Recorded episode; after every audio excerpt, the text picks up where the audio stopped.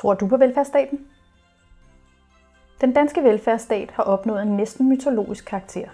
Den sikrer velfærdsgoder til landets borgere. En slags julemand for både børn og voksne. I denne podcast julekalender vil vi forsøge at identificere den danske velfærdsstat. Findes den? Og i så fald, hvordan ser den ud? Og hvem har fortjent dens gode gaver?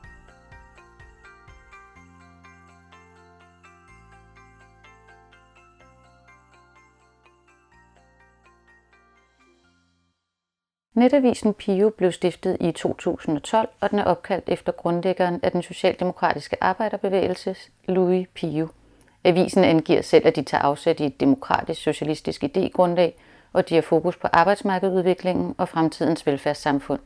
I dag taler vi med avisens chefredaktør Jens Jonathan Sten om hans syn på velfærdsstaten og dens funktion i Danmark anno 2020. Velkommen til Jens Jonathan. Jo tak. Så hvordan ser det ud? Tror du på den danske velfærdsstat? Jamen, det gør jeg. Det gør jeg. Øh, det gør jeg helt utrolig meget. Øh, det, det er det, der har gjort, at vi er lykkedes som samfund, og at vi kan blive ved med at lykkes som samfund. Det vi kan, som andre ikke kan på samme måde, det er vores øh, suverænt stærke øh, velfærdssamfund. Og den øh, velfærdsform, vi har i dag, det er jo noget, der er kommet til efterkrigsårene og blev udviklet særligt op gennem 60'erne og 70'erne. Hvordan ser velfærdsstatens rolle ud i dag i dagens Danmark? Jamen, det, det der er med, med, med et, et, et velfærdsstat eller velfærdssamfund, måden det blev formuleret på, og det blev tænkt fra starten af, det var, at det var aldrig et endemål. Det, det, det skal hele tiden udvikles, det skal hele tiden igennem en evolution og reformeres, det skal hele tiden kun blive bedre. Men det er klart, det der er velfærdsstatens opgave, det den skal gøre, det er, at den skal gøre os alle sammen til den bedste udgave af os selv. At den, den skal frisætte vores menneskelige potentiale og gøre os så stærke, som vi kan, uanset om det er på uddannelse, på sundhed, det er på velfærd, på alle de her områder. Det er det, velfærdsstaten skal kunne. Og ser du, at der er nogle særlige udfordringer i dag i forhold til at løse den opgave? Jamen, der er rigtig mange udfordringer. Altså, det er klart, øh, hele konkurrenceelementet, effektiviseringspres, øh, nedskæring har presset rigtig meget.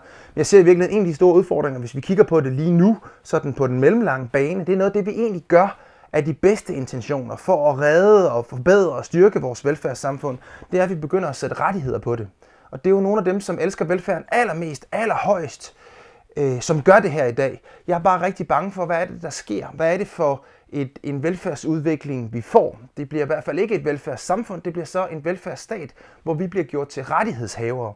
Altså vi ser det med, med, med minimumsrettigheder. Jeg har jo selv en, et, et barn, der går i daginstitution, og jeg synes, det er fantastisk vigtigt, at vi får flere ressourcer. Men hvad sker der, når vi som borgere får rettigheder stukket i hånden? Jamen, så bliver vi, vi risikerer vi i hvert fald at blive en form for rettighedsegoister, hvor det der er det vigtigste, det er den rettighed, jeg selv har. Jeg går til velfærdsstaten, som skylder mig at give mig det her tilbage. Så frem for, at man bliver en del af et velfærdssamfund, at man er solidarisk med de andre, som har et andet, nogle gange måske større behov, frem for at man er i stand til at reagere, når vi kommer i en krise, jamen så mister vi hele fleksibiliteten. Øh, vi mister forståelsen for i virkeligheden for de andre. Det, der kommer til at gælde, det er alene den rettighed, som jeg selv har.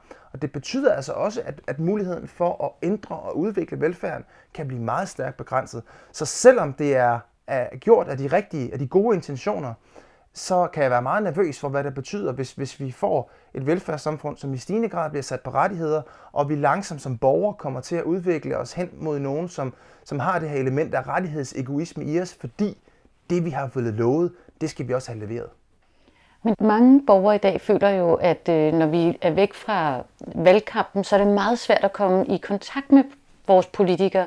Så hvordan kan man øh, sikre sig, at man ens stemme bliver hørt, eller ens rettigheder bliver, hvis det ikke skal være rettigheder, men ens ønsker eller tanker om velfærdsstaten bliver til gode set, hvis man ikke føler, man kan komme i kontakt? Er det så ikke gennem rettighedstænkningen? Jamen, rettighed er jo ingen kontakt. Du har ingen relation til nogen, når du har en rettighed. Så har du bare en rettighed, ikke? Altså, så har du en kontrakt, så er det den, du forholder dig til. Du har egentlig ikke en dialog. Altså, dialogen er jo netop den, der forsvinder. Altså, så det er forståelsen for helhedsbilledet af det, der ryger, når man alene har så snævert fokus på den rettighed, som man har opnået, den rettighed, man har fået. Så, så forståelsen for den bredere solidaritet, det større fællesskab, det er i virkeligheden den, jeg synes, der, der, der lidt forsvinder. Øhm, og så er det jo klart, jamen altså selvfølgelig, altså, selvfølgelig skal, skal, der, skal der være en dialog, og selvfølgelig skal der være lydhørhed. Øh, hvis, hvis, det, hvis det er problemet, jamen så skal vi selvfølgelig fokusere på det. Rettigheden løser bare heller ikke Øh, det problem. Og det vi så også bare skal huske, det kan jeg også være nervøs for, det er jo, at vi i gamle dage, der snakkede vi meget om det her med et kommunalt selvstyre, at der også kunne være forskel på, hvad for en type af velfærd vi havde på tværs af Danmark.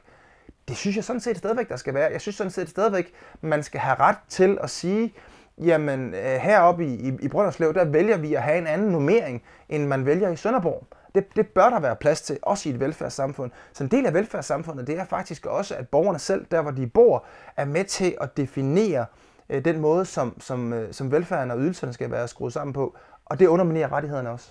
Så den her rettighedstænkning, det er tydeligt, det er noget, du ser som en udfordring, men ser du også, at der er nogle potentialer i forhold til at udvikle velfærdsstaten, så den passer bedre til et moderne samfund? Jamen, der er kæmpe store potentialer. Altså, og det er jo igen det, jeg siger. Vi, vi glemmer nogle gange, hvor, hvor stærke og hvor rige velfærdssamfundet har gjort os. Så, så der er potentialer hele vejen rundt, og, og der skal fortsatte justeringer til af vores velfærdssamfund. Lige nu synes jeg jo, at vi, vi endelig er lykkes at, at få slået igennem og få sat en dagsorden, der handler om at, at forståelsen for, at altså, der er brug for flere sygeplejersker, der er brug for flere pædagoger. Så, så, så det der med, at, at der var en... Øh, at der var ligesom en udløbsdato på, hvor meget vi kunne effektivisere. Ikke?